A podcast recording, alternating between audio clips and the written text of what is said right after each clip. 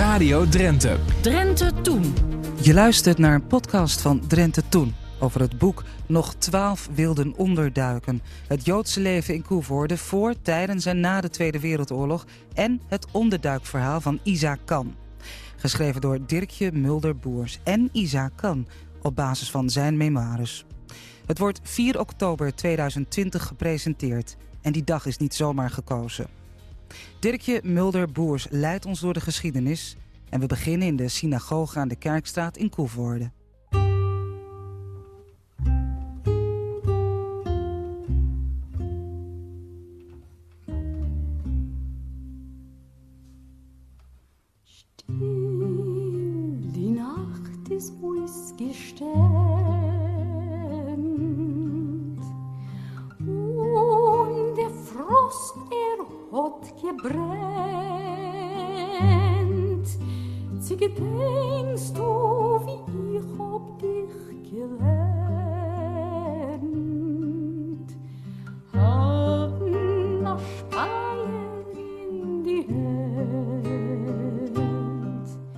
Synagoge aan de Kerkstraat, nummer 36 in Koevoorde.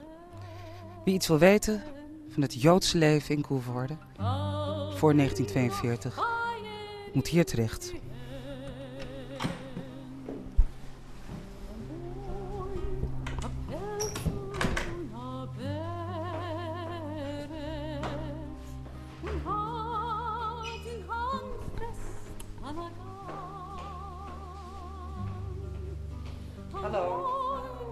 Mezelf maar even binnengelaten. Hi, hi. Joden en niet-Joden leefden gewoon samen. Er was geen enkel verschil. Als je dat ook, we beschrijven dat ook in het boek. Verschillende Joodse mensen in Koevoorde hebben heel veel voor de gemeente Koevoorde betekend. Eh, bijvoorbeeld wethouders die de Rijks-HBS hier hebben eh, gekregen en daarna de meisjesvakschool. Maar ook de middenstanders. Eh, ze hebben hier verenigingen opgericht eh, van allerlei soorten en allerlei handen en zaten ook in die besturen van die vereniging. Ja, ik denk dat in Koevoorde sprake was van een perfecte integratie. En eh, we hebben ook interviews gelezen van mensen die de oorlog overleefd hebben, die ook zeggen van, ja, voor de oorlog was het gewoon goed in Koevoorde, voor iedereen. En eh, dat was niet alleen zo vlak voor de oorlog, maar ook al ver daarvoor, want het is niet voor niks dat twee families de naam van Koevoorde hebben aangenomen. Dus eh, dat doe je niet als het eh, niet naar je zin is. Ja, in de tijd van Napoleon, ik ben niet zo goed in jaartallen, maar zo rond 1800, hè, toen moest iedereen een achternaam aannemen. En heel veel Joden heten toen Jacob Israëls zoons, Israël Jacobs zoons. Net als dat bij niet-Joden ook het geval eh, was. En toen ze een achternaam aan moesten nemen, waren er twee families die hebben de naam van Koevoorde aangenomen. En je ziet nu heden ten dagen nog steeds, overal op de wereld, in het westen van ons land, maar ook in Canada, Amerika Nieuw-Zeeland. En zelfs nu in Israël wonen nog de Van Koevordens. En die komen hier vandaan. Ja, en ehm, wij weten nu ook dat eh, van die Van Koevordens ook hele bijzondere verhalen zijn. En daar komen we volgend jaar op terug. Ik zal er niet op vooruitlopen. Eh, op zijn hoogtepunt, en dat was eh, zo rond 1920, 1930, in die periode, waren er zo tussen de 250 en 300 Joden. 5% van de bevolking in Koevoorde was Joods. Terwijl in Emmen bijvoorbeeld maar anderhalf procent. En ook in Assen was, er waren wel meer in aantal, omdat de eh, plaats ook groter was, maar het procentueel aantal was lager dan in Koevoorde. Dus Koevoorde eh spande in dat opzicht eh, echt de kroon. Meppel net zo, die lag ook procentueel lager. Aantallen waren meer, maar procentueel lagen ze lager. Dit is bijvoorbeeld een orthodoxe synagoge. En voor de oorlog had je maar één synagoge hier. Maar ook de niet-orthodoxe Joden. Eh, We weten nu bijvoorbeeld van Hartog Silverberg, dat was eh, een socialist en hart en nieren. Nou, die kun je echt geen orthodoxe Joodse man noemen. Maar toch ging hij hier naar de synagoge. Het was ook een, een punt van bijeenkomst van de Joodse gemeenschap. Dus eh, je had hier echt orthodoxe eh, Joden, bijvoorbeeld de familie Kan, waar we ook in dit boek over schrijven. Maar je had ook niet-orthodoxe uh, Joden, maar ze gingen allemaal naar één en dezelfde school.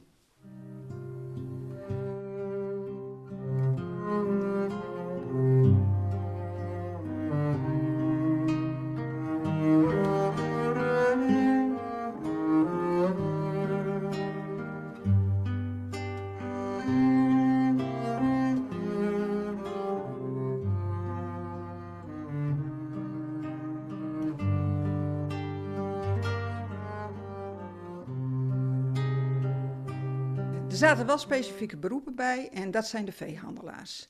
En dat heeft ook vooral te maken met dat voordat uh, Napoleon uh, hier in Nederland de regels heeft uh, gemaakt, mochten Joden geen lid worden van een gilde. Dus dat betekent ze konden geen timmerman of zilversmid of wat dan ook worden, want dan moest je lid zijn van een, een gilde. Dus waren veel Joden toen veehandelaar of ze hadden een winkel of ze waren vilder of ze hadden een pandjeszaak, want christenen mochten geen geld aan andere christenen tegen uh, rente uitlenen. Dus, en dat mochten de Joden wel.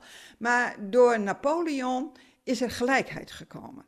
En mochten dus ook de Joden alle beroepen uitoefenen. Nou, hier in Koevoorde zie je ook alle beroepen. Van uh, schilder tot uh, tot vroedvrouw, onderwijzers, uh, directeur van de PTT, noem maar op alle beroepen kwamen hiervoor.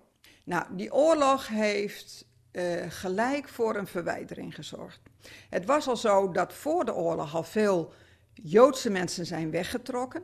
En waarschijnlijk ook niet-Joodse mensen, maar dat heb ik verder niet uitgezocht. Maar Joodse mensen wel, omdat er dus geen werk was in Koevoor en omgeving. Dus toen de oorlog uitbrak en uh, toen waren er nog zo'n ongeveer zo'n 140, 150 Joden in Koevoorde. Nou, dat was al een stuk minder. Vanaf het begin, uh, in de boeken staat altijd, aan het begin merkte je niets. Nou, volgens mij klopt daar helemaal niets van, want zes weken nadat de bezetter in Nederland was gekomen, hebben ze al de eerste maatregel tegen de Joden ingevoerd. En dan zie je dat langzaam maar zeker komen er steeds meer maatregelen. In juni mochten ze niet meer lid zijn van uh, de bewakingsdienst. En in juli kwam er al een verbod op het ritueel slachten. Nou, dat is voor Joden natuurlijk een heel belangrijk iets. Dus langzaam maar zeker kwamen er steeds meer verboden. En uh, volgens mij hebben ze daarmee heel bewust ernaartoe gedreven dat de Joden in een isolement zaten. En dan wel in een uh, isolement die uh, ja, eigenlijk automatisch ontstond. Wij weten nu ook dat uh, sommige mensen zeiden van, wij werden niet eens meer begroet door buren of vrienden, omdat ze bang waren tijdens de oorlog. Want Koevoorden heel Drenthe, maar ook Koevoorde was wel een plaats waar veel NSB'ers uh, waren. We lezen dan ook in archieven dat sommige Joden van het trottoir af werden geduwd als bepaalde NSB'ers langskwamen. We lazen ook dat een Joodse familie hun wintervoorraad aardappelen in uh, september 1940 kregen en dat ze een dag later door de NSB en de politie zijn opgehaald. Die aardappelen dan. Een hele wintervoorraad. Nou, dat geeft al aan dat vanaf het begin de Joden geïsoleerd kwamen te staan. En toch zeggen de Joden zelf, wat wij daarvan gelezen hebben, van het was nog te doen. Nou, moet je nagaan. Je mag helemaal niks meer op een gegeven moment. Kinderen mochten niet meer naar hun eigen school. Die werden helemaal uit. Dan kom je dus ook in een isolement, want ze zaten gewoon op de openbare scholen hier. Maar het mocht niet meer. Ze mochten niet meer op de markt komen. Ze mochten niet meer lid zijn van hun favoriete voetbalclub.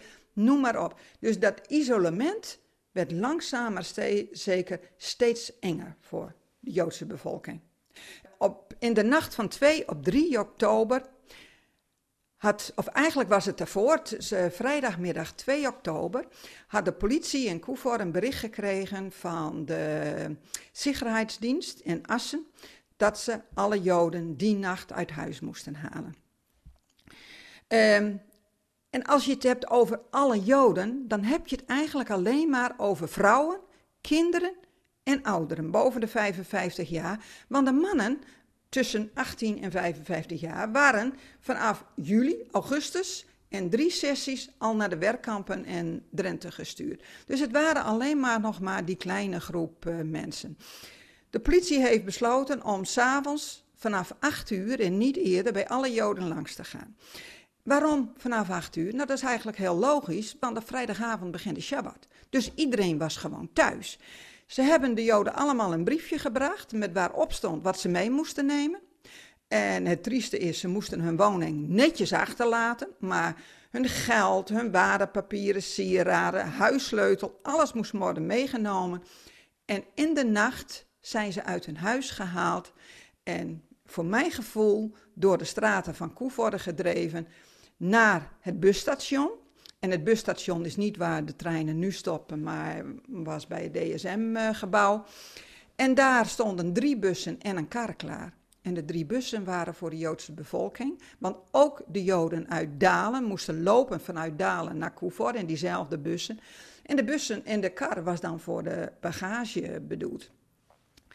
Dus in één nacht tijd waren alle mensen weg. Er zijn zeven achtergebleven, want die zeven waren ziek. En het, ja, het erge is eigenlijk op het moment dat die mensen beter was, er was een mevrouw bij met drie kleine kinderen. En toen ze weer beter waren, zijn ze door de politie eigenhandig naar Westerbork gebracht. Om vandaar naar Auschwitz te worden getransporteerd. Dirkje Mulder-Boers schreef het boek samen met postuum Isaac Kan. Maar wie was die Isaac Kan? En waar slaat de titel van het boek op? Nog twaalf wilde onderduiken. Dirkje Mulder legt het uit. Dat betekent dat uh, wij nu weten dat op maandag 5 oktober zouden nog twaalf mensen worden opgehaald en naar een onderduikadres gebracht. Maar helaas, op 3 oktober zijn ze naar Westerbork vervoerd en ze zijn allemaal vermoord. Isaac Kang was een uh, jongeman die hier in Koevoorde geboren is. Zijn ouders hadden een, uh, een zaak in uh, Koevoorde, een winkel. En zij waren orthodox.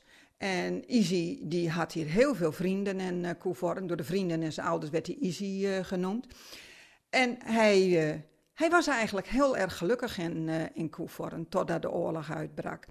Maar zelfs tijdens de oorlog hebben ze nog Purimfeest gevierd hier in de synagoge. Dus ze hebben toch geprobeerd om zoveel mogelijk hun leven intact te houden. Izzy moest met uh, een groep van uh, 18 uh, Joodse mannen naar het kamp Lende. En daar besloot hij eigenlijk gelijk, samen met zijn vriend Herman Zilverberg en uh, Jo Frank, om te ontsnappen. Zij hadden zoiets van, uh, als wij vanavond naar Westerbork worden gebracht, dan kunnen we niet meer weg. En toen ze het bericht kregen, want er was heel veel verwarring in het kamp van wel naar Westerbork, niet naar Westerbork. En toen ze dan hoorden van waarschijnlijk gaan we vannacht toch naar Westerbork, zijn die jongens met alles achterlaten wat ze bij zich hadden. En dat was niet eens veel, want ze mochten alleen maar handbagage meenemen. Maar ze hebben alles in het kamp geladen. Ze zijn onder het prikkeldraad doorgekropen, over een slootje gesprongen en toen gevlucht via de weilanden en het bos. En Izzy heeft het geluk gehad dat hij uh, een onderduikplek kon vinden.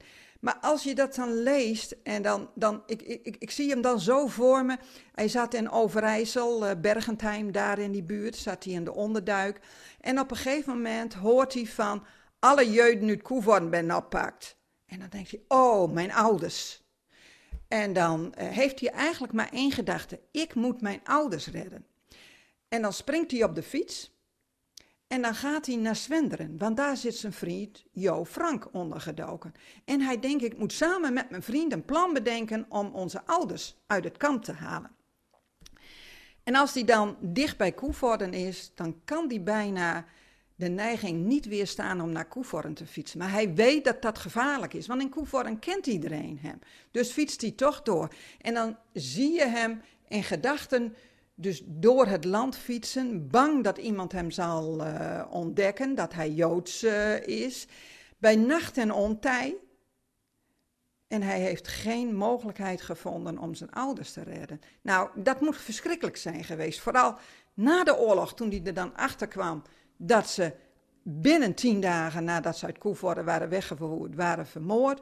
Nou, ik, ik denk dat dat moet verschrikkelijk voor die jongen zijn geweest. Het was een jongen van begin twintig. Hij heeft het overleefd, ja.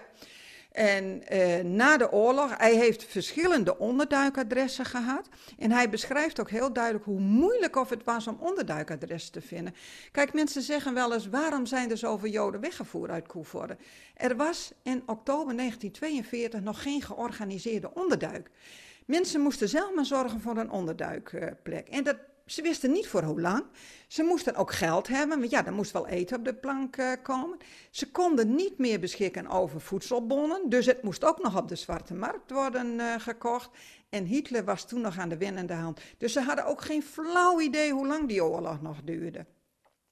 En dan lees je ook dat hij bij mensen aanklopt die hij kent als klant van zijn ouders, of hij daar kan onderduiken. Dat sommige mensen zeggen: Easy, je kunt geld van ons krijgen, maar wij durven het niet aan, want straks pakken ze mijn hele gezin op. Nou, en als je daarbij stilstaat, dan kun je ook pas goed indenken wat die mensen hebben doorgemaakt. Toen wij in oktober 19, uh, 2017 opengingen als museum, een maand later kregen we bezoek van uh, drie dames. Twee daarvan die kwamen uit uh, Bergentheim en een mevrouw uit Israël. En dat was de dochter van Izikan. En zij vertelden toen dat haar vader ondergedoken had gezeten bij die mensen uit Bergentheim. En zij vond het zo fijn dat ze nu eens in de synagoge was waar haar vader als kind was geweest. En een maand later kwam haar broer over uit Israël. Die had haar verhaal gehoord en die wilde hier ook komen. En toen werd verteld dat haar vader, dat hun vader het verhaal over zijn onderduik op papier had gezet. Nou, de kinderen hebben ons heel veel foto's gestuurd en ze hebben ons het verhaal toegestuurd. En toen kwam bij ons al snel de gedachte op: dit is zo uniek. Nu weten wij eigenlijk veel meer over hoe het hier toeging. En dat was voor ons de aanleiding om te zeggen: hier gaan we een boek over uitgeven, want dit moet je delen met heel veel mensen.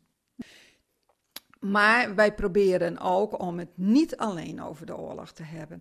Wij eh, leggen ook aan de mensen uit wat de hedendaagse gebruiken en gewoonten nog zijn, wat de feesten zijn. Daar houden we ook lezingen over. We hebben ook tafels ingericht. En dat vinden de mensen toch wel mooi. En ook als je dan aangeeft dat er nabestaanden leven. Ze willen eigenlijk liever zelf geen nabestaanden uh, heten, maar familieleden van vermoorde Joden, waar wij contact mee hebben en die het fijn vinden dat wij ook hun verhaal vertellen. Bijvoorbeeld van uh, de familie Sanders, uh, Sanders was een fotograaf hier.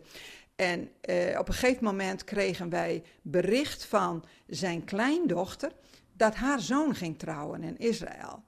Nou, ze heeft me foto's opgestuurd en, en daaraan zie je ook, Hitler heeft het niet voor elkaar gekregen wat hij wilde. Want gelukkig leven er nog heel veel mensen. Je luisterde naar een podcast van Drenthe Toen. Elke week komen er weer nieuwe bij en ze zijn te downloaden via je podcast-app. Of kijk even op onze website rtvdrenthe.nl. Daar vind je ook andere podcasts. En vond je het leuk of heb je tips? Laat dan een beoordeling achter. Dat vinden wij weer leuk. Dankjewel.